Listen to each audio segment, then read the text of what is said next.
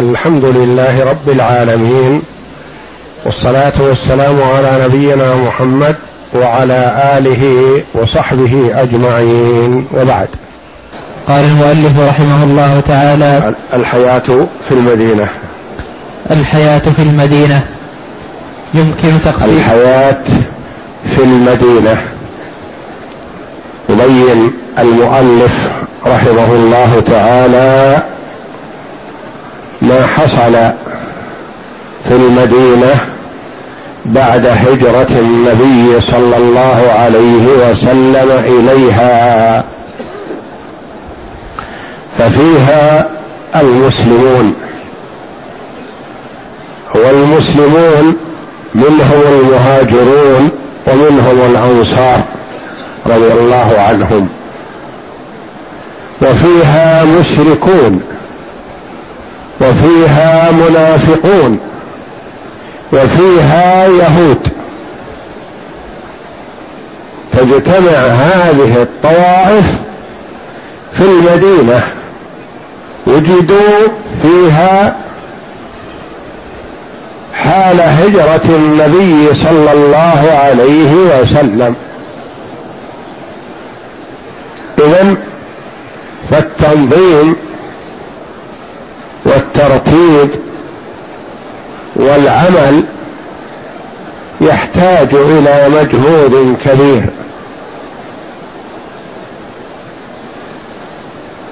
فالمسلمون آمنوا بالله ورسوله ويتلقون تعليمهم من النبي صلى الله عليه وسلم الذي يتلقى ذلك من ربه جل وعلا. والمشركون جاءهم هذا الدين في عقل دارهم فماذا سيعملون؟ هل يقفوا في وجه الإسلام؟ أم ينخرطوا ويدخلوا فيه. والمنافقون صنف من المشركين. من المشركين من رأوا أنه لا يسعهم الاستمرار على الشرك. وهم غير مقتنعين وغير راضين بالإسلام فماذا يصنعون؟ فوجد النفاق في المدينة. واليهود مكانهم ومكان إقامتهم جاءهم الإسلام ويعرفون حقيقة الأمر. أن محمدا صلى الله عليه وسلم مرسل من ربه تبارك وتعالى ويعرفونه كما يعرفون أبناءهم لا شك عندهم في ذلك. وكانوا يتوعدون الأوس والخزرج ببعثة محمد صلى الله عليه وسلم إذا بعث اتبعناه وانضممنا إليه فقاتلناكم فقضينا عليكم وأهلكناكم هلاك عاد وإرم.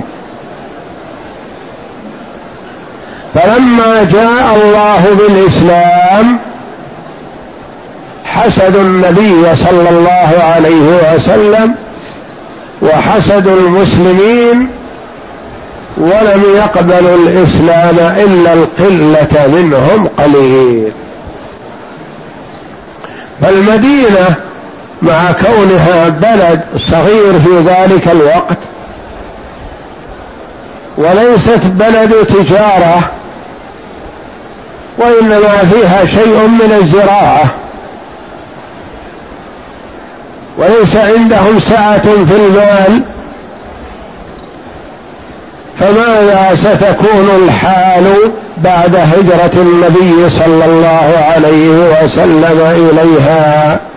والناس هكذا منهم المقبل والمتعطش إلى تعاليم الإسلام يأخذ بها ويعض عليها بالنواجذ ويقدمها على كل ما تهوى نفسه وهم المسلمون من المهاجرين والأنصار.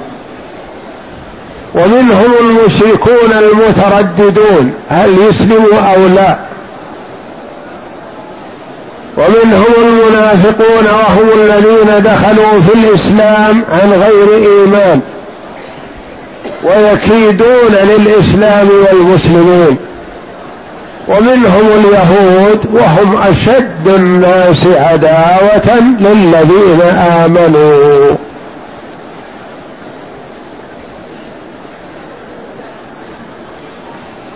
فالحياة في هذا المدينة في هذه المدينة في هذا الظرف حياة تحتاج إلى ترتيب وتنظيم وتشريع. ومجاهدة ومصاحبة وولاء وبراء وأمور كثيرة عظيمة. أرشد النبي صلى الله عليه وسلم الأمة إلى التعامل مع كل أحد خلال هذه العشر السنوات. التعامل مع الأقارب من الوالدين والأولاد والأهل التعامل مع الجيران مع الأخوة المسلمين التعامل مع الكفار التعامل مع الكفار وهم أنواع منهم المسالم ومنهم المعاند ومنهم المقاتل. ومنهم المنافق المظهر للمحبة والمبطن للبغض والكراهية. نظمها النبي صلى الله عليه وسلم خلال هذه العشر السنوات وقال عليه الصلاة والسلام تركتكم على المحجة البيضاء. المحجة الطريق والجادة. ليلها كنهارها لا يزيغ عنها إلا هالك فهو بين صلى الله عليه وسلم كل شيء ما ترك شيئا يحتاجه الناس في أمور دينهم أو دنياهم أو معاملاتهم إلا وقد بينه صلى الله عليه وسلم. المؤلف رحمه الله يبين لنا شيئا من ما حصل من التنظيم مع تعدد الفرق والطوائف والأديان في المدينة في ذلك الوقت. نعم. يمكن تقسيم العهد المدني إلى ثلاث مراحل. اولا ثلاث مراحل هذا من حيث الزمن. من حيث الزمن. ثم هو سيقسم الموجودين في المدينة من حيث الديانة والانتماء والبلاء والبراء. نعم. اولا مرحلة اثيرت فيها القلاقل والفتن وأقيمت فيها العراقيل من الداخل وزحف فيها من الداخل والخارج يعني محاربة الدعوة. من داخل المدينة من أين؟ من اليهود من المنافقين من المشركين وهم قلة كانوا في المدينة بعد هذا. لأن المشركين ما وسعهم البقاء على الشرك. منهم من أسلم وحسن إسلامه وصحب النبي صلى الله عليه وسلم ومنهم من نافق. فهم المسلمون والمشركون قلة وانقسموا إلى قسمين واليهود والقسمان مسلم حقا ومنافق. نعم. وزحف فيها الأعداء إلى المدينة لاستئصال خضرائها من الخارج. يعني القضاء على النبي صلى الله عليه وسلم وأصحابه في المدينة قضاء مبرمة أرادوا هذا كما حصل في وقعة الأحزاب. دبر اليهود عليهم لعنة الله تأليب المشركين من كل جهة ووعدوهم بالمناصرة والمعاونة وهم داخل المدينة مع أنهم في عهد مع النبي صلى الله عليه وسلم لكنهم خونة. ما يثبتون على عهد من قديم الزمان. فألبوا المشركين من كل جهة فحصلت وقعة الأحزاب فنصر الله جل وعلا عبده ورسوله محمدا صلى الله عليه وسلم والمؤمنين. ولهذا من ثناء النبي صلى الله عليه وسلم على ربه تبارك وتعالى يقول وهازم الأحزاب لأن أهل المدينة لأن المسلمين لا طاقة لهم في مقابلة الأحزاب تحزبوا من كل جهة يريدون المدينة والقضاء على المسلمين فيها. فالله جل وعلا تولى هزيمتهم بدون أن يكون هناك قتال بين المسلمين والكفار. نعم. وهذه المرحلة تنتهي إلى صلح الحديبية في ذي القعدة سنة ست من الهجرة.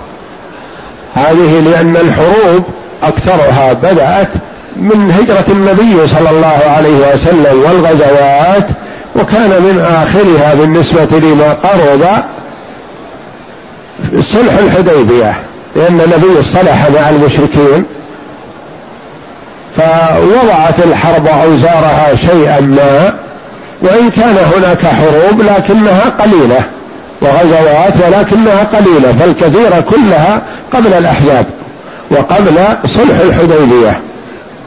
وبعد صلح الحديبية هدأت الأمور ولهذا دخل الناس في, في الإسلام بعد صلح الحديبية بكثرة والحمد لله.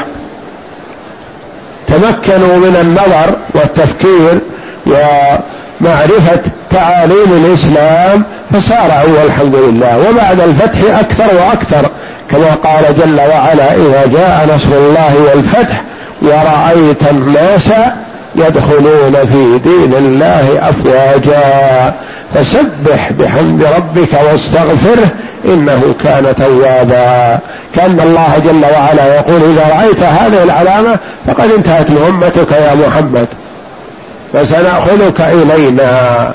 هذه فيها نعي للنبي صلى الله عليه وسلم وإخبار بأجله لأنه قرب. إذا حصل هذا فاستعد للرحيل يا محمد. أديت ما عليك. بلغت الرسالة وأديت الأمانة ونصحت الأمة فصلوات ربي وسلامه عليه وعلى آله وصحبه. نعم.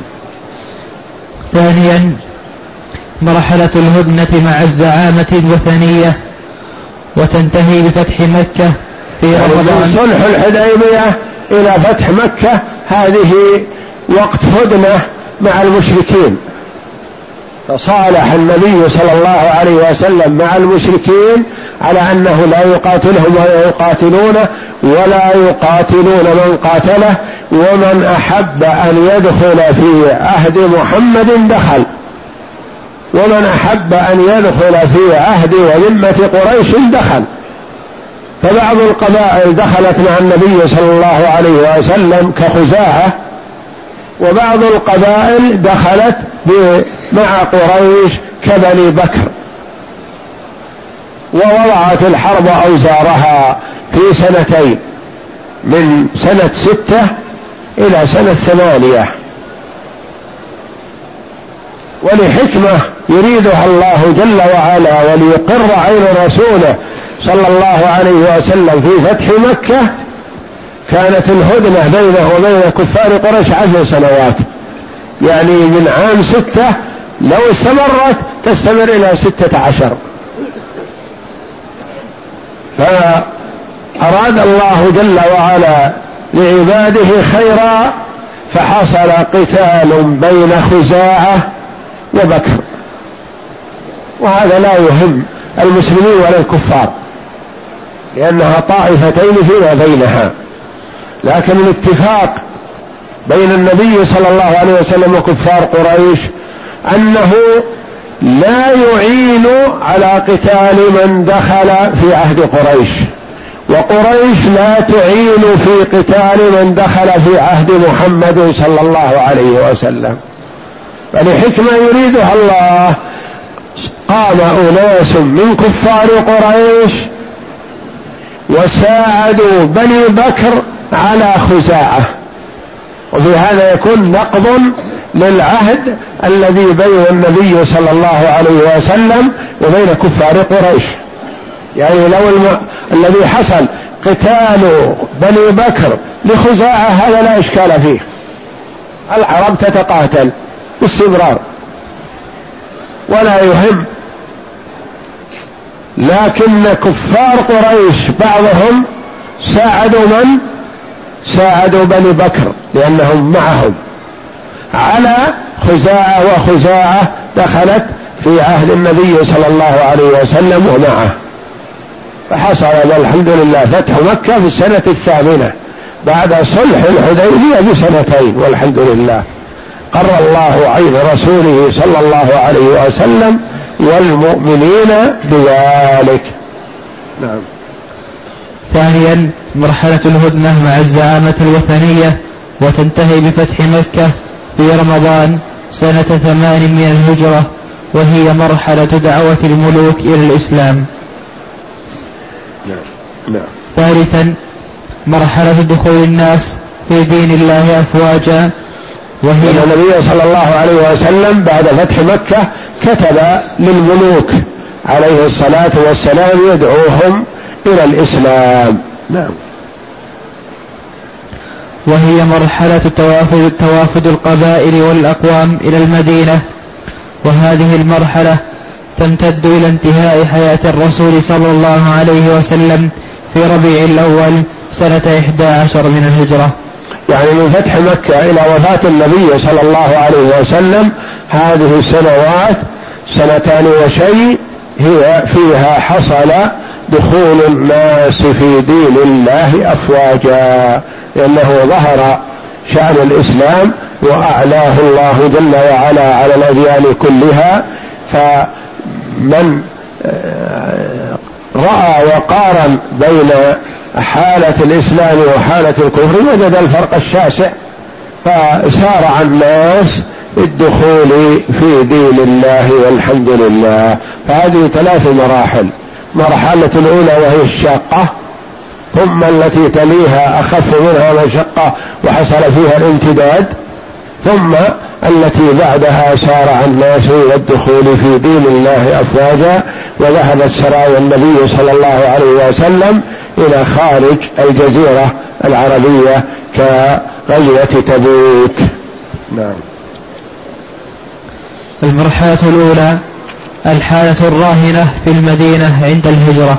المرحلة الأولى وهي الحالة الأولى التي عبر عنها قال إنها من هجرة النبي صلى الله عليه وسلم إلى المدينة إلى صلح الحديبية. هذه المرحلة الأولى. نعم.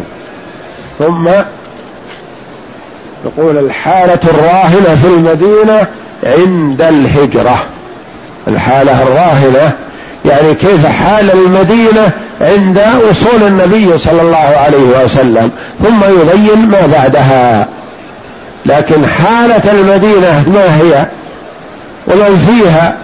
وماذا حصل؟ من هجرة النبي صلى الله عليه وسلم إلى صلح الحديبية. نعم. لم يكن معنى الهجرة هو التخلص من الفتنة والاستهزاء فحسب. يعني هذا حاصل.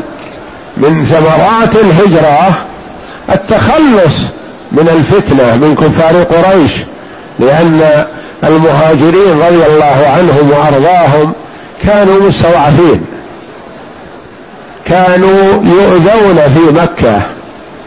الرجل يؤذيه أبوه وتؤذيه أمه ويؤذيه إخوانه وأهله ومن حوله وجيرانه فهو يستخفي ويبعد عنهم ويشرد ويتخفى ويتخفى في صلاته ويتخفى في عبادته رضي الله عنهم وصبروا على هذا. فحالتهم في المدينة في مكة حالة شاقة. فالهجرة من مكة إلى المدينة فيها التخلص من هذا العذاب. لكن ليس هو هذا وحده بل فيه تكون دولة. وإيجاد مجتمع إسلامي لأن المسلمين كانوا قبل في البيوت مختفين. البيت يوجد فيه المسلم وهو يخفي إسلامه عن أبيه وأمه وأخته وأخيه وزوجه. وإذا أظهر إسلامه آذوه فما في مجتمع إسلامي في مكة.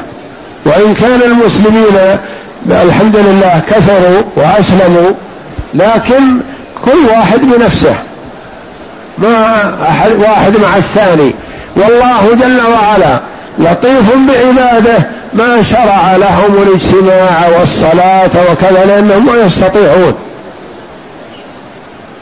الشرع والتشريع الإسلامي جاء على حسب تدريج حال المسلمين والحمد لله. الركن الخامس من أركان الإسلام الحج ما شرعه الله جل وعلا إلا في السنة الثامنة أو التاسعة. لأن كيف يأمرهم الله جل وعلا بالحج ومكة في أيدي الكفار؟ أول ما فرغ من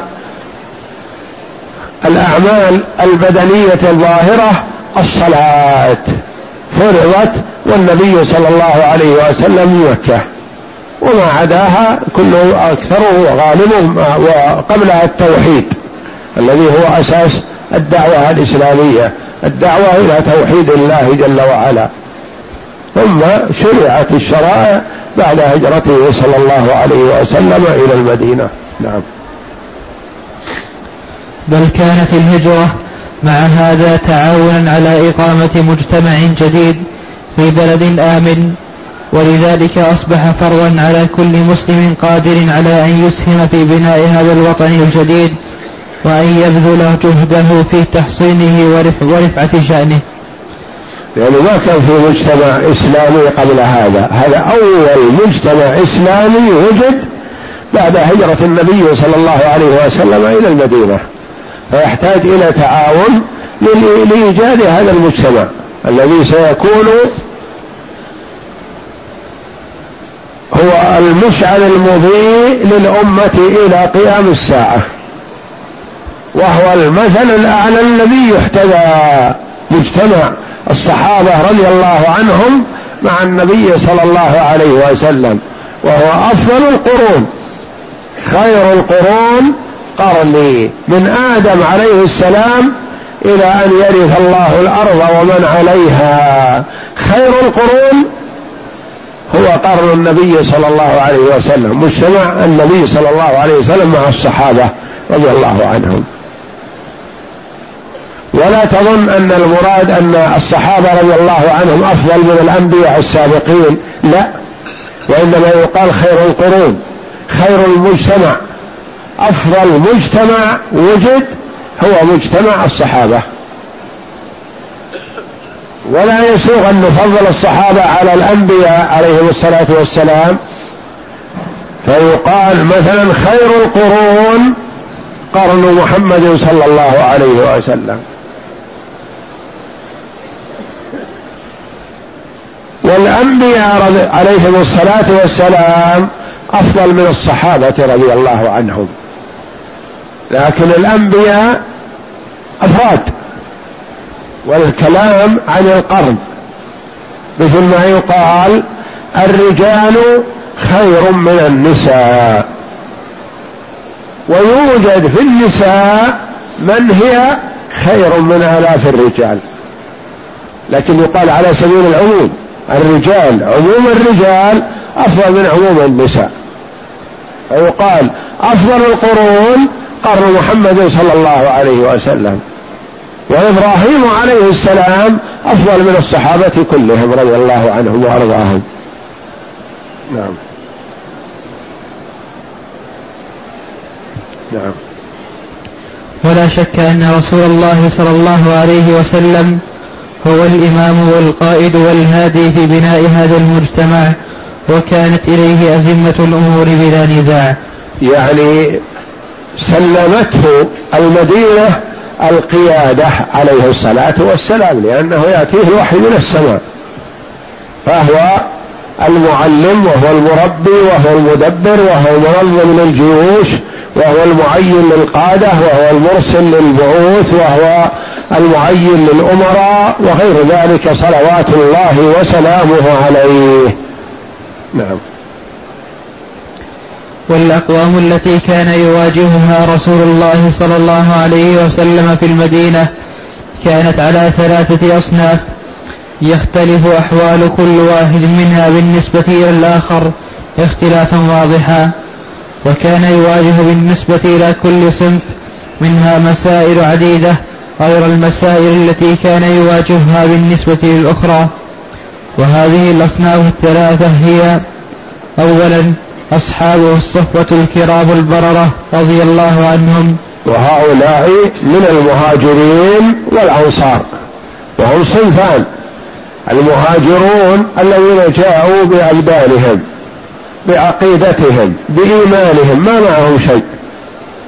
تركوا أولادهم وتركوا أموالهم وتركوا ديارهم وجاءوا بأنفسهم. الإرشاد إليه وتربية المسلمين وفقه.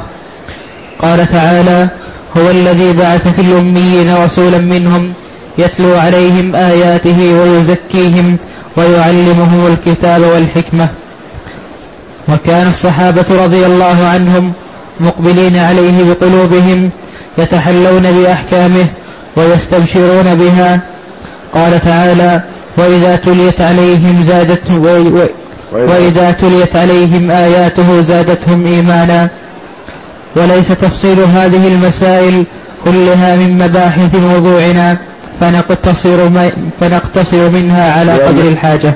لأن الكتاب هذا ليس في الفقه أو التوحيد أو العقائد وإنما هو في سيرة النبي صلى الله عليه وسلم. نعم. كان هذا أعظم ما يواجه رسول الله صلى الله عليه وسلم بالنسبة إلى المسلمين وهذا الذي كان هو المقصود على نطاق واسع من الدعوة الإسلامية والرسالة المحمدية ولكن لم يكن هذا قضية قضية طارئة. ثم كانت هناك مسائل دون ذلك كانت تقتضي الاستعجال. كانت جماعة المسلمين مشتملة على قسمين قسم هم, أرض هم في أرضهم وديارهم وأموالهم لا يهمهم من ذلك إلا ما يهم الرجل وهو آمن في سربه. وهم الأنصار. هذا أهل الدار الأنصار رضي الله عنهم وهو الذي سماهم النبي صلى الله عليه وسلم أنصار لأنهم نصروا دين الله جل وعلا. والمهاجرون وهم الذين هاجروا من مكة إلى المدينة وهم جاءوا من خارج المدينة فرارا بدينهم ولمناصرة رسول الله صلى الله عليه وسلم المهاجرون والأنصار رضي الله عنهم وأرضاهم. نعم. وكان بينهم تنافر مستحكم وعلى أهل المدينة.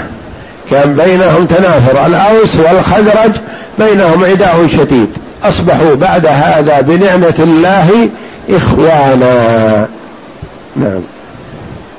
وعداء مزمن منذ أمد بعيد وكان بجانب هؤلاء قسم قسم آخر وهم المهاجرون. فاتهم كل ذلك ونجوا يعني ما عندهم دور ولا مال ولا شيء من هذا ولا عقار ولا نخيل ولا وإنما جاءوا بأجسامهم وبقلوبهم وعقيدتهم رضي الله عنهم وأرضاهم. جاءوا إلى المدينة. فآخى النبي صلى الله عليه وسلم بحكمته بين كل مهاجر مع أنصاري. ونعم الأخوة. يعني يأتي المهاجر ما معه شيء. يواخي النبي صلى الله عليه وسلم بينه وبين الأنصار. الأنصاري عنده الدار وعنده الأهل والمال والولد وإن كان يسير. وهذا أخو عبد الرحمن بن عوف رضي الله عنه قال تعال أنت أخي. أخي أحب إليه من أخيه من أبيه وأمه لأنه أخوة الإسلام. فقال تعال يا عبد الرحمن هذا مالي والحمد لله أريد أن أقسمه بيني وبينك لأنك أخوي وعندي زوجتان انظر إليهما أحظاهما عندك أطلقها فتعتد فتزوجها أنت. يريد أن يتنازل لهم لا عن الأموال فحسب وإنما حتى عن الزوجات.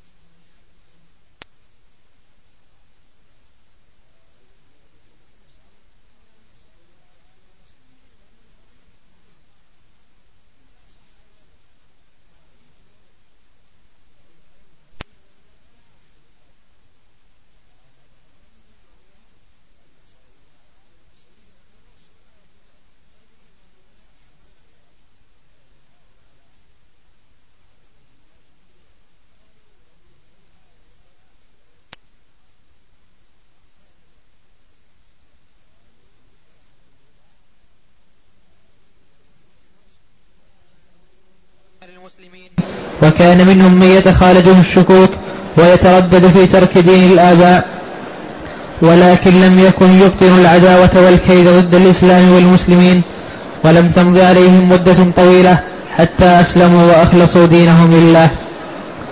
وكان فيهم من يفتن شديد الإحن والعداوة ضد رسول الله. يعني من هؤلاء المسلمين وهم المنافقون. نعم. ضد رسول الله صلى الله عليه وسلم والمسلمين ولكن لم يكن يستطيع أن يناوئهم.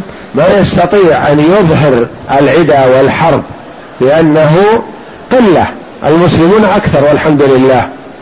ولا يجد من يساعده على حرب النبي صلى الله عليه وسلم لأنه حتى ابنه أقرب الناس إليه يقف بالسيف بين يدي أبيه يقول والله لا تدخل المدينة حتى تقر أنك أنت الأذل وأن رسول الله صلى الله عليه وسلم هو الأعز.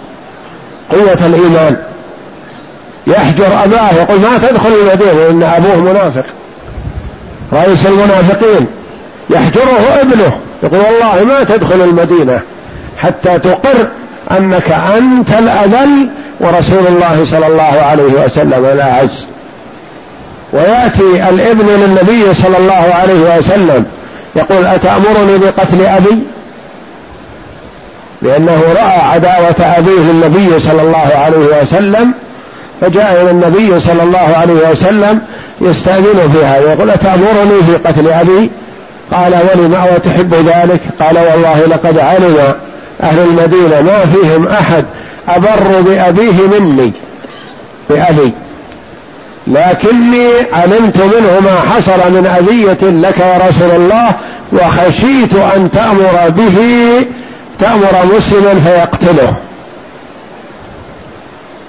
فيتحملني الغيرة فأقتل قاتل أبي فأكون قتلت مسلما بمنافق. ولو أمرتني لقتلته.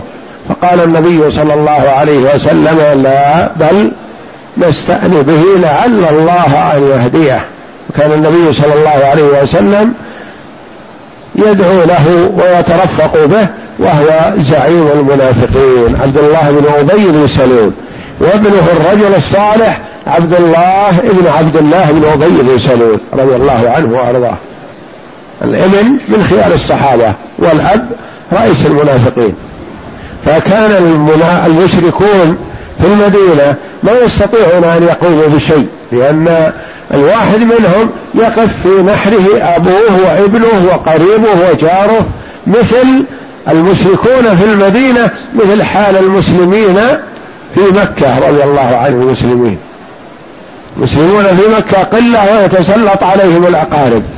والمنى المشركون في المدينة أصبحوا والحمد لله قلة وأهلهم في وجوههم ونحورهم فما كانوا يستطيعون أن يظهروا شيء فوجد النفاق لأن النفاق ما يوجد إلا في حال عزة الإسلام وظهوره والحمد لله. بل كان مضطرا إلى إظهار الود والصفاء نظرا إلى الظروف وعلى رأس هؤلاء عبد الله بن أبي فقد كانت الأوس والخزرج. عبد الله بن أبي بن سلول. هذا كان هو رئيس المنافقين. وكان قبل هجرة النبي صلى الله عليه وسلم وأبرز رجل في المدينة. واتفق أهل المدينة الأوس والخزرج وهم لا يتفقون على شيء في ذلك الوقت اتفقوا على تمليكه يملكون عليهم يروسونه عليهم. فكانوا على وشك مبايعته ملكا عليهم الأوس والخزرج. فلما جاء الله بالإسلام انتهى هذا لأن الرئاسة والزعامة والقيادة لمحمد صلى الله عليه وسلم. فتركوه فسرق في الدعوة الإسلامية وكرهها لأنه حرم من مصالحه الدنيوية. والشيطان تسلط عليه وإلا لو أسلم وآمن لحصل على خير الدنيا والآخرة.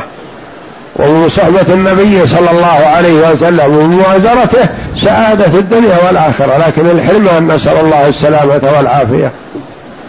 ومع ذلك أظهر الإسلام والنبي صلى الله عليه وسلم صلى عليه. وأعطاه قميص يكفن يكفن فيه وهو منافق. ويعلم النبي صلى الله عليه وسلم أنه منافق.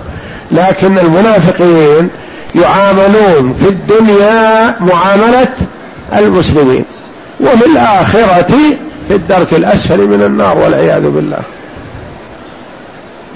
أما في الدنيا لأنه ما يعلم ما في القلوب إلا الله. والله جل وعلا أطلع رسوله صلى الله عليه وسلم على نفاق بعض المنافقين وإلا الرسول ما يعلمهم. منهم من كان يعرفه منهم من لا يعرفه عليه الصلاة والسلام. فأطلعه الله جل وعلا على هذا على أن مثل هذا منافق. فكان يظهر الإسلام وهو منافق والعياذ بالله. هذا الرجل نعم. فقد كانت اللوس والخزرج اجتمعوا على سيادته بعد حرب بعاث ولم يكونوا اجتمعوا على سيادة أحد قبله. وقد كانوا قد نظموا قد نظموا له الخرز ليتوجوه ويملكوه. وكان على وشك أن يصير ملكا على أهل المدينة إذ باغت مجيء رسول الله صلى الله عليه وسلم وانصراف قومه قومه عنه. وانصرف قومه. وانصرف قومه عنه إليه. فكان يرى أنه استلبه ملكا فكان يبطن شديد العداوة ضده. ولما رأى الظروف لا تساعده على شركه وأنه يحرم وأنه يحرم الفوائد الدنيوية أظهر الإسلام بعد بدر ولكن بقي مستبطنا للكفر وكان لا يجد مكانا للمكيدة برسول الله صلى الله عليه وسلم بالمسلمين إلا ويأتي بها. يعني يحاول أن يكيد بالمسلم والمسلمين ويكيد بالنبي صلى الله عليه وسلم. ويؤلب الأعداء عليه. نعم. وكان أصحابه من الرؤساء الذين حرموا المناصب المرجوة في ملكه يعني معه من يعينه على هذا. نعم. يساهمونه ويدعمونه في تنفيذ خططه وربما وربما كانوا يتخذون بعض الأحداث وضعاف العقول من المسلمين عملاء لهم لتنفيذ خططهم. نقف على هذا وبعد هذا القوم الثالث الفئة الثالثة وهم اليهود. تقدم لنا صدر الكلام على الحالة الراهنة في المدينة حال هجرة النبي صلى الله عليه وسلم ووجود الفئات المختلفة المتفاوتة تفاوتا عظيما. فمنهم المؤمنون الخلص أصحاب رسول الله صلى الله عليه وسلم من المهاجرين والأنصار رضي الله عنهم. وفيها المشركون. وهم بدأوا يقلون. منهم من أسلم وصدق في إسلامه وإيمانه بالله ورسوله ومنهم من دخل في الإسلام ظاهرا و ولم يؤمن قلبه فهم المنافقون. والفئة الثالثة اليهود وهم طوائف كثيرة. تصل إلى عشرين قبيلة وجماعة إلا أن كبارهم ورؤساهم والفئات الذي يكثر فيها العدد هم بنو النظير وبنو قينقاع وبنو قريضة ثلاث طوائف ومنهم بنو المصطلق وغيرهم من القبائل لكن هؤلاء هم كبراء وأكثر عدد طوائف اليهود. وهؤلاء جاءوا حينما حصل عليهم الاضطهاد في جهات الشام تحولوا إلى يثرب. ومنهم من آبائهم من تحول بحسن نية انتظارا لمبعث النبي محمد صلى الله عليه وسلم. وهؤلاء من بني إسرائيل وليسوا من العرب ولكنهم دخلوا في العرب. ولهذا لا يجوز لنا أن نسب بني إسرائيل لأن من بني إسرائيل الأنبياء والرسل صلوات الله وسلامه عليهم ومنهم من آمن بالأنبياء والرسل صلوات رضي الله عنهم ورحمهم ومنهم الكفرة الفجرة الذين آه، وجدوا في زمن بعثة النبي صلى الله عليه وسلم. وهؤلاء منهم من أسلم وآمن بالله ورسوله وهم قلة يعدون على الأصابع. والكثير منهم آه، كفروا عنادا مع معرفتهم أن محمدا صلى الله عليه وسلم رسول من عند الله وأنه صادق. وأنه كما قال الله جل وعلا يعرفونه كما يعرفون أبناءهم. لكن كفرهم كفر حسد والعياذ بالله. وقد اشتهر فيهم الحسد من قديم الزمان اليهود. وإلى أن يرث الله الأرض وأن عليها ما بقي منهم بقية. فهم حسده يهتمون بجمع المال. جل همهم الطمع والجشع وجمع المال من حلال وحرام. لا يبالون بهذا كما قال الله جل وعلا عنهم فبظلم من الذين هادوا حرمنا عليهم طيبات أحلت لهم وبصدهم عن سبيل الله كثيرا وأخذهم الربا وقد نهوا عنه وأكلهم أموال الناس بالباطل. الآية. فهم مشهورون من قديم الزمان إلى يومنا هذا وهم جل همهم جمع المال ولا يبالون من أي طريق أخذوه. حلال أو حرام والعياذ بالله. فهذه صفتهم وهم ما قدروا أن يشنوا حربا على النبي صلى الله عليه وسلم وعاهدهم صلى الله عليه وسلم عاهد كل قبيلة على حدة. حتى إذا انتقض عهد بعضهم ما ما انتقض عهد الكل. هذه من حكمته صلى الله عليه وسلم. لأنه عرف عنهم الخيانة وأنهم لا يستمرون على عهد أبدا. لكن لو عاهدهم جميع إذا انتقض عهد أحد منهم انتقض عهد الجميع. فصاروا كلهم ضد النبي صلى الله عليه وسلم. فرأى عليه الصلاة والسلام أن يعاهد كل قبيلة على حدة وفعلا قبل وفاة النبي صلى الله عليه وسلم انتقض عهد الجميع لأنهم تتابعوا في نقض العهد لما في قلوبهم من الحسد والكراهية للنبي صلى الله عليه وسلم وللإسلام والمسلمين. والمؤلف رحمه الله يذكر القوم الثالث وهم اليهود لأنهم الصحابة رضي الله عنهم والمشركون في المدينة والقوم الثالث هما اليهود. نعم. الحمد لله رب العالمين والصلاة والسلام على أشرف الأنبياء والمرسلين نبينا محمد وعلى آله وصحبه أجمعين. قال المؤلف رحمه الله تعالى أما القوم الثالث وهم اليهود فقد كانوا انحازوا إلى الحجاز زمن الاضطهاد الأشوري والروماني كما أسلفنا. وكانوا في أسلف المؤلف رحمه الله الكلام على هذا في صفحة 27 من هذا الكتاب. بين سبب هجرتهم بعضهم وأنهم منهم من هاجر قبل الميلاد بخمسمائة سنة ومنهم من كانت هجرته بعد بعد الميلاد بسبعين سنة. نعم. وقد كانوا في الحقيقة عبرانيين ولكن بعد الانسحاب إلى الحجاز يعني ليسوا بعرب. هم من العبرانيين يعني من بني إسرائيل. نعم.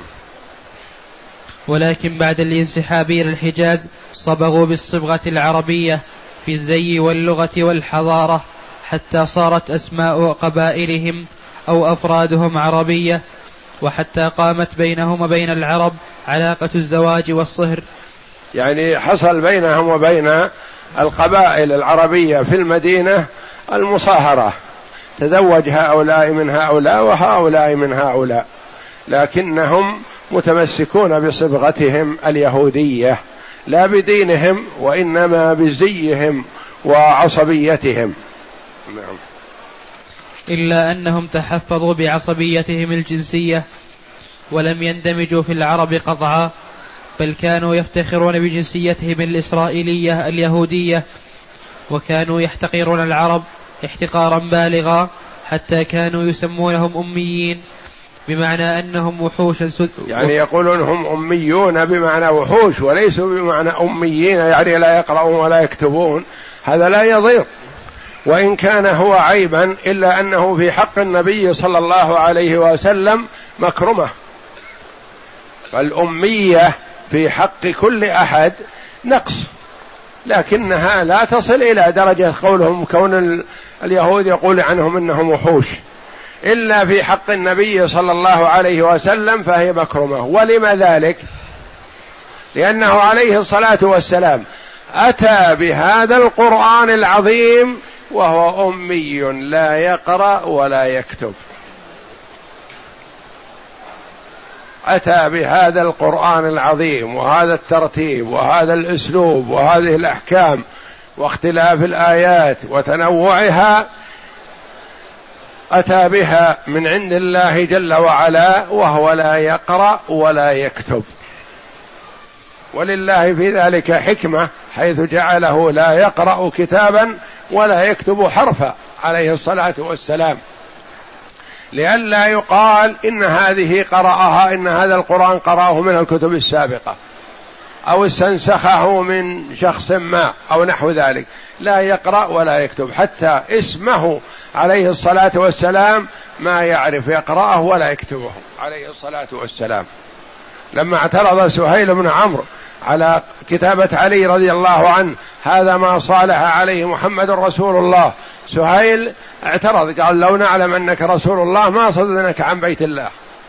ولكن اكتب باسمك الذي نعرف محمد بن عبد الله. فقال النبي صلى الله عليه وسلم لعلي امسحها. قال والله لا امسحها يا رسول الله. كيف امسحها؟ امسح رسول الله؟ أنت رسول الله حقا. فقال عليه الصلاة والسلام أرنيها. فأراه إياها ومسحها لأجل إبرام الصلح. يعني ما كان يعرفها عليه الصلاة والسلام لا يقرأ ولا يكتب عليه الصلاة والسلام. نعم. حتى كانوا يسمونهم أميين بمعنى أنهم وحوش سذج وأرادل متأخرون وكانوا يرون أن أموال العرب مباحة لهم يأكلونها كيف شاءوا. قال تعالى قالوا ليس علينا في الأميين سبيل. يقول ما في حرج تأكل مال الأم الأمي يعني العربي حلال لك. لأنهم في اعتقادهم أنهم ليسوا أهلا لأن يكون عندهم مال. نعم. نعم. ولم يكن لهم تحمس في نشر دينهم وإنما جل بضاعتهم الدينية هي الفأل والسحر. والنفث والرقية الفأل والطيرة وتعلم هذه الأشياء نعم. وأمثالها وبذلك كانوا يرون أنفسهم والنفث والرقية وهكذا التي يكتسبون من ورائها أموال. وبذلك كانوا يرون أنفسهم أصحاب علم وفضل وقيادة روحانية. وكانوا مهره في فنون الكسب والمعيشة فكانت في أيديهم تجارة الحبوب والتمر. والخمر والثياب. كانوا يوردون الثياب والحبوب والخمر ويصدرون التمر. وكانت لهم أعمال من دون ذلك هم لها عاملون. كانوا يتاجرون ويبيعون ويشترون ويبيعون بالدين وبالمؤجل ويرتهنون. ما كانوا يضيعون أموالهم. حتى النبي صلى الله عليه وسلم لما اشترى من يهودي آصع من شعير لأهله ما كان عليه الصلاة والسلام عنده في ذلك اليوم وفاء. فقال لا أعطيك يا محمد إلا برهن. فرهنه النبي صلى الله عليه وسلم درعة. وذلك في آخر حياة النبي صلى الله عليه وسلم. حتى مات النبي صلى الله عليه وسلم ولحق بالرفيق الأعلى ودرعه مرهونة عند هذا اليهودي. ثم إن أبا بكر رضي الله عنه سدد عن النبي صلى الله عليه وسلم قيمة الشعير وأخذ الدرع رضي الله عنه وأرضاه. نعم. فكانوا يأخذون المنافع من عامة العرب أضعافا مضاعفة ثم لم يكونوا يقتصرون على ذلك بل كانوا أكالين للربا. كانوا يقرضون شيوخ العرب وساداتهم ليكتسب هؤلاء الرؤساء مدائح من الشعراء وسمعة بين الناس. يعني كان رئيس القبيلة من العرب يستدين من اليهود المبالغ الطائلة ليقدمها لشاعر من الشعراء من أجل أن يمدحه. ويبقى هذا السيد من سادات العرب مدين مدة حياته وربما انقطع عقاره وماله في الرهن لأن اليهودي ما يبيع عليه إلا برهن. ثم ما يستطيع أن يسدد فينقطع المال الذي أخذه رهنا بالرهن ويبقى لليهودي حتى جمعوا الأموال الطائلة من رؤساء القبائل من العرب. بعد إنفاقها من غير جدوى ولا طائلة ثم كانوا يرتهنون أرض هؤلاء الرؤساء وزروعهم وحوائطهم ثم لا يلبثون إلا أعواما حتى يمتلكونها. وكانوا أصحاب دسائس ومؤامرات وعتو وفساد يلقون العداوة والشحناء بين القبائل العربية المجاورة. يحرصون على استمرار الحروب بين قبائل العرب ربما هم يثيرونها من أجل أن يقرضوا هؤلاء بفوائد عظيمة ويقرضوا هؤلاء بفوائد عظيمة لأجل يتحاربوا لأنهم إذا تسالموا ما صار لبضاعتهم رواج. فهم يحرصون كل الحرص على أن يثيروا الحروب بين القبائل حتى يأتي هؤلاء يستدينون منهم ويأتي هؤلاء يستدينون منهم وهم الرابحون ويؤججوا نار الحرب بين القبائل. نعم. ويغرون بعضها على بعض بكيد خفي لم تكن تشعره تلك القبائل فلا تزال في حروب دامية متواصلة. ولا تزال أنامر اليهود تؤجج نيرانها كلما رأتها تقارب الخمود والانطفاء. وبعد هذا التحريض والإغراء كانوا يقعدون على جانب يرون ساكتين ما يحل بهؤلاء العرب. نعم كانوا يزودونهم بقروض ثقيلة ربوية حتى لا يحجموا عن الحرب لعسر النفقة وبهذا العمل كانوا يحصلون على منفعتين كانوا يتحفظون على كيانهم اليهودي وينفقون سوق سوق الربا ليأكلوه أضعافا مضاعفة ويكسبوا ثروات طائلة. وكانت في يثرب منهم ثلاث قبائل مشهورة. أولا بنو قينقاع كانوا حلفاء الخزرج وكانت ديارهم داخل المدينة. ثانيا بنو النضير. ثالثا بنو قريظة وها وهاتان القبيلتان. بنو النضير وبنو قريظة. نعم حلفاء الأوس. نعم. وهاتان القبيلتين وهاتان القبيلتان كانتا حلفاء الأوس وكانت ديارهم بضواحي المدينة. وهذه يعني بنو النضير وبنو قريظة كانوا بأطراف المدينة وبنو قينقاع كانوا داخل المدينة وبنو قينقاع هم حلفاء الخزرج. وبنو النضير وبنو قريظة كانوا حلفاء الأوس وكل قبيلة من هؤلاء نقضت العهد لكن شتان بين هذا وهذا.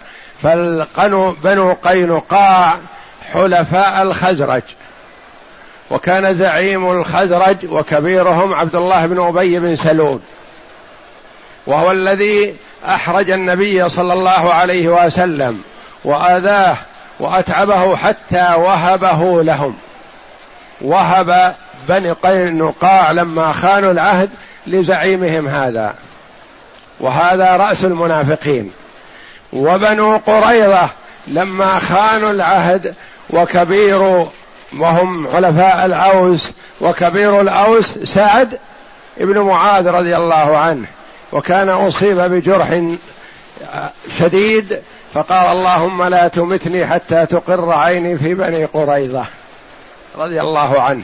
يريد أن ينتقم منهم لله ولرسوله وللمؤمنين. لا يريد التشفي لأنهم اصحابه كانوا في الجاهلية. فشتان بين الرجلين. فهذا حكم فيهم رضي الله عنه أن تقتل مقاتلتهم وأن تسبى ذراريهم. وذاك يطلبهم من النبي صلى الله عليه وسلم فيسلم من القتل ومن الجلاء وغير ذلك لأن هذا الذي المنافق أحرج النبي صلى الله عليه وسلم وآذاه وشدد عليه حتى وهبه لهم وهبهم إياه نعم. وهذه القبائل هي التي كانت تثير الحروب بين الأوس والخزرج منذ أمد, منذ أمد بعيد وقد ساهمت بأنفسها في حرب بعاث كل مع حلفائها. حرب بعاث. كانت بين الأوس والخزرج ودخل فيها طوائف من اليهود. وطبعا فإن اليهود لم يكن لم يكن يرجى من بعين البغض والحقد فالرسول صلى الله عليه وسلم لم يكن من جنسهم. فلا يتحمسون له ولا يكن له منهم عصبية ومودة وقرابة نسب لم يكن منهم عليه الصلاة والسلام وإنما كان من من العرب وكان من بني إسماعيل وهم من بني إسحاق. نعم. حتى ليسكن جأش عصبيتهم الجنسية التي كانت متغلبة على نفسياتهم وعقليتهم ثم دعوة الإسلام لم تكن إلا دعوة صالحة. تؤلف بين أشتات القلوب وتطفئ تؤلف بين أشتات القلوب يعني تجمع القلوب على طاعة الله وهم طبعهم بخلاف ذلك هم يريدون التفريق لأنهم آه، حظهم ونصيبهم ورواج تجارتهم بقيام الحروب وتشتت الناس يكسبون من وراء هذا فهم لا يريدون السلم ولا يريد أن تهدأ الأحوال. وتطفئ, وتطفئ نار العداوة والبغضاء وتدعو إلى الالتزام وتدعو إلى التزام الأمانة في الشؤون وإلى التقيد بأكل الحلال من من طيب الأموال. ومعنى كل ذلك أن قبائل يثرب العربية ستتألف فيما بينها وحينئذ لا بد من أن تفلت من براثين اليهود فيفشل نشاطهم التجاري ويح ويحرم ويح ويحرم أموال الربا. يحرم. ويحرم أموال الربا الذي كانت تدور عليه رحى ثروتهم. بل ربما يحتمل أن تتقيض تلك القبائل فتدخل في حسابها الأموال الربوية التي أخذها اليهود. فتقوم بإرجاع أرضها وحوائطها التي أضاعتها إلى اليهود في تأدية الربا. وكان اليهود يدخلون وكل ذلك في حسابهم منذ عرفوا أن دعوة الإسلام تحاول الاستقرار في يثرب. ولذلك كانوا ولذلك كانوا يبطنون أشد العداوة ضد الإسلام وضد رسول الله صلى الله عليه وسلم منذ أن دخل إلى يثرب. وإن كانوا لم يتجاسروا على إظهارها إلا بعد حين. والله جل وعلا أخبر عن ذلك بقوله تعالى لتجدن أشد الناس عداوة للذين آمنوا اليهود والذين أشركوا. نعم. ويظهر ذلك جليا بما رواه ابن إسحاق عن أم المؤمنين صفية رضي الله عنها. قال ابن إسحاق هذه بنت حيي بن أخطب. أبوها كبير اليهود وزعيم اليهود وهي أم المؤمنين رضي الله عنها وأرضاها. نعم. قال ابن إسحاق حد حدثت حدثت صفية بنت حيي بن أخطب أنها قالت كنت أحب ولد أبي إليه وإلى عمي أبا أبي ياسر. أبوها يحيى حيي بن أخطب وعمها أبو ياسر بن أخطب. تقول رضي الله عنها أنا كنت أحب أولادهم إليهم لأبي ولعمي. كانوا يحبونها. رضي الله عنها وأرضاها وهي صغيرة. نعم. لم ألقهما قط مع ولد لهما إلا اخذاني دونه. قالت فلما قدم رسول الله صلى الله عليه وسلم المدينة ونزل قباء في بني عمرو بن عوف غدا عليه أبي حيي بن أخطب وعمي أبو ياسر بن أخطب مغلسين. مغلسين يعني مبكرين في الصباح. نعم. قالت فلم يرجعا حتى كانا مع غروب الشمس قالت فأتيا كالين كسلانين. ساقط. كالين كسلانين. مرهقين. نعم. ساقط ساقطين يمشيان الهوينا. قالت فهششت إليهما كما كنت أصنع. فوالله ما التفت إلي واحد منهما مع ما بهم من الغم. قالت وسمعت عمي أبا ياسر وهو يقول لأبي حيي بن أخطب أهو هو؟ قال نعم والله. قال أتعرفه وتثبته قال تثبته. أتعرفه وتثبته. قال أتعرفه وتثبته؟ قال نعم. قال فما, قال فما في نفسي منه قال قال عداوته والله ما بقيت. يسأله أبو ياسر يسأل حيي الأخوان. أهو هو يعني هذا الذي رأينا هذا هو الرسول. قال نعم. قال وتعرفه وتثبته؟ قال إي والله هذا هو. لا إشكال. قال وماذا في نفسك؟ يعني تتبعه. قال عداوته ما بقيت. نعم. ويشهد بذلك أيضا ما رواه البخاري في إسلام عبد الله بن سلام رضي الله عنه فقد كان حبرا من فطاحل علماء اليهود. عبد الله بن سلام رضي الله عنه كان من علماء اليهود وكان عالما جليلا متقنا من علمائهم. فلما سمع بالنبي صلى الله عليه وسلم قدومه المدينة بادره رضي الله عنه.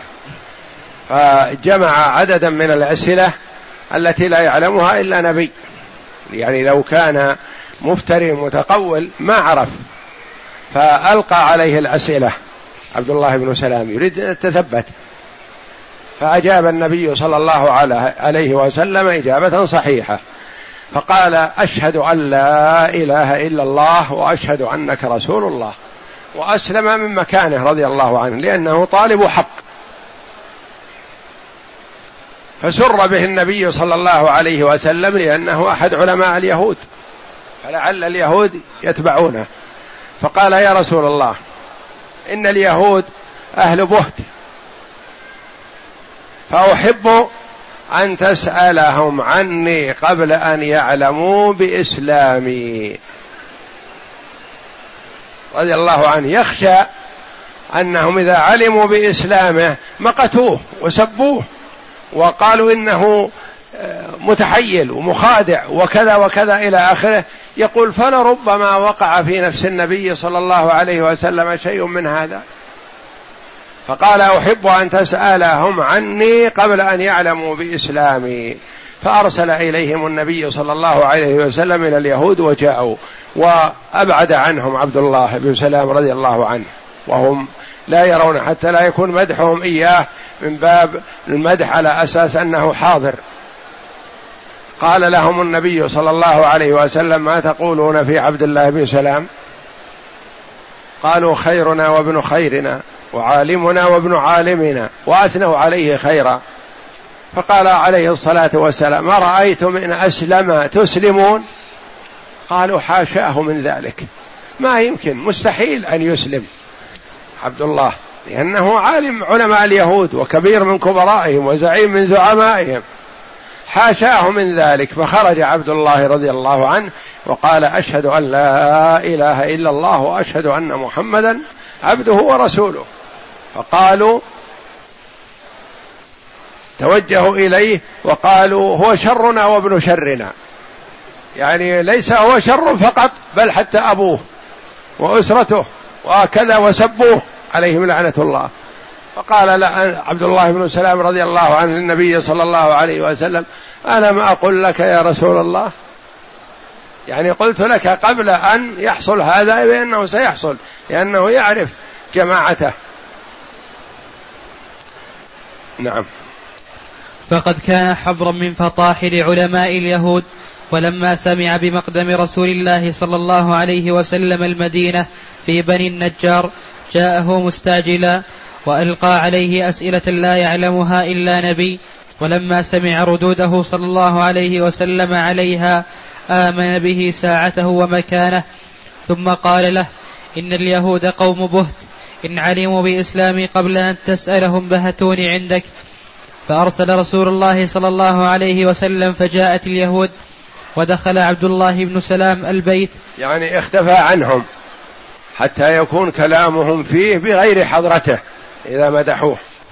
نعم. فقال رسول الله صلى الله عليه وسلم أي رجل فيكم عبد الله بن سلام؟ قالوا أعلمنا وابن أعلمنا وأخيرنا وابن أخيرنا. وفي لفظ سيدنا وابن سيدنا وفي لفظ آخر خيرنا وابن خيرنا وأفضلنا وابن أفضلنا. فقال رسول الله صلى الله عليه وسلم أفرأيتم إن أسلم عبد الله؟ فقالوا أعاذه الله من ذلك مرتين أو ثلاثا فخرج إليهم عبد الله فقال أشهد أن لا إله إلا الله وأشهد أن محمدا رسول الله.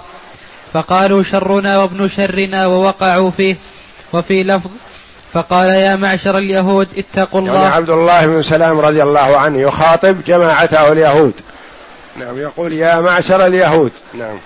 فقال يا معشر اليهود اتقوا الله فوالله الذي لا إله إلا هو إنكم لتعلمون أنه رسول الله وأنه جاء بحق فقالوا كذبت. قالوا كذبت وهم قبل قليل يمدحون يقولون خيرنا وابن خيرنا وأفضلنا وابن أفضلنا وعالمنا وابن عالمنا. كذبوه لما دعاهم إلى الإيمان بالله ورسوله. نعم. وهذه أول تجربة تلقاها رسول الله صلى الله عليه وسلم من اليهود في أول يوم دخل فيه المدينة. هذا كله من حيث الداخلية. من حيث الداخلية يعني حالة المدينة الداخلية. فيها خيار الأمة وفيها المشركون وفيها اليهود. ولا بد أن يعامل النبي صلى الله عليه وسلم كل فئة من هذه الفئات بما يناسبها. وفيها التناقض الكبير. نعم. وأما من حيث الخارجية يعني من حيث ما يحيط بالمدينة من الخارج. نعم. فإن الد قوه ضد الإسلام هي قريش كانت قد جربت منذ عشرة أعوام حينما كان المسلمون تحت يديها. كانت كانت قد جربت منذ عشرة أعوام حين كان حينما كان المسلمون تحت يديها كل أساليب الإرهاب والتهديد. والمضايقة وسياسة التجويع والمقاطعة وأذاقتهم التنكيلات والويلات وشنت عليهم حربا نفسية مضنية حربا نفسية مضنية مع دعاية واسعة منظمة. ثم لما هاجر المسلمون إلى المدينة صادرت أرضهم وديارهم وأموالهم وحالت بينهم وبين أزواجهم وذرياتهم بل حبست وعذبت من قدرت عليه. ثم لم تقتصر على هذا بل تآمرت على الفتك بصاحب الدعوة صلى الله عليه وسلم والقضاء عليه وعلى دعوته ولم ولم تأل جهدا في تنفيذ هذه المؤامرة. وبعد هذا كله لما نجا المسلمون إلى أرض تبعد عنهما خمس خمسمائة كيلو مترا قامت بدورها السياسي لما لها من الصدارة الدنيوية والزعامة الدينية بين أوساط العرب بصفتها ساكنة الحرم ومجاورة, ومجاورة بيت الله وسدنته فأغرت فأغرت غيرها من مشرك الجزيرة ضد أهل المدينة حتى صارت المدينة في شبه مقاطعة شديدة قلت مستورداتها في قلت؟ قلت مستورداتها. قلت مستورداتها في حين كان عدد اللاجئين يزيد يوما فيوما. إن حالة الحرب قائمة. مرادوا بهم المهاجرون رضي الله عنهم يعني زادوا في المدينة تكاثروا. نعم. إن حالة الحرب قائمة يقينا بين هؤلاء الطغاة من أهل مكة وبين المسلمين في وطنهم الجديد. ومن السفه تحميل المسلمين أوزار هذا الخصام. يعني أن هذا الخصام وهذه الفتنة التي شنها كفار قريش. حتى وإن اعترض الصحابة رضي الله عنهم لعير قريش الذي كان سببا في وقعة بدر الكبرى التي أعز الله فيها رسوله صلى الله عليه وسلم والمسلمين مع قلة عددهم وعدتهم وزادهم ومع كثرة المشركين وعدتهم وعتادهم و فكان من المشركين القتلى والأسرى وأعز الله أولياءه. فلا يقال إن الصحابة اعترضوا عليهم وإنما هم خرجوا لهم لأخذ بعض حقهم منهم لأن المعتدين في الحقيقة لأن هم المشركون. ولم يكن اعتداء من النبي صلى الله عليه وسلم ولا من الصحابة رضي الله عنهم. نعم.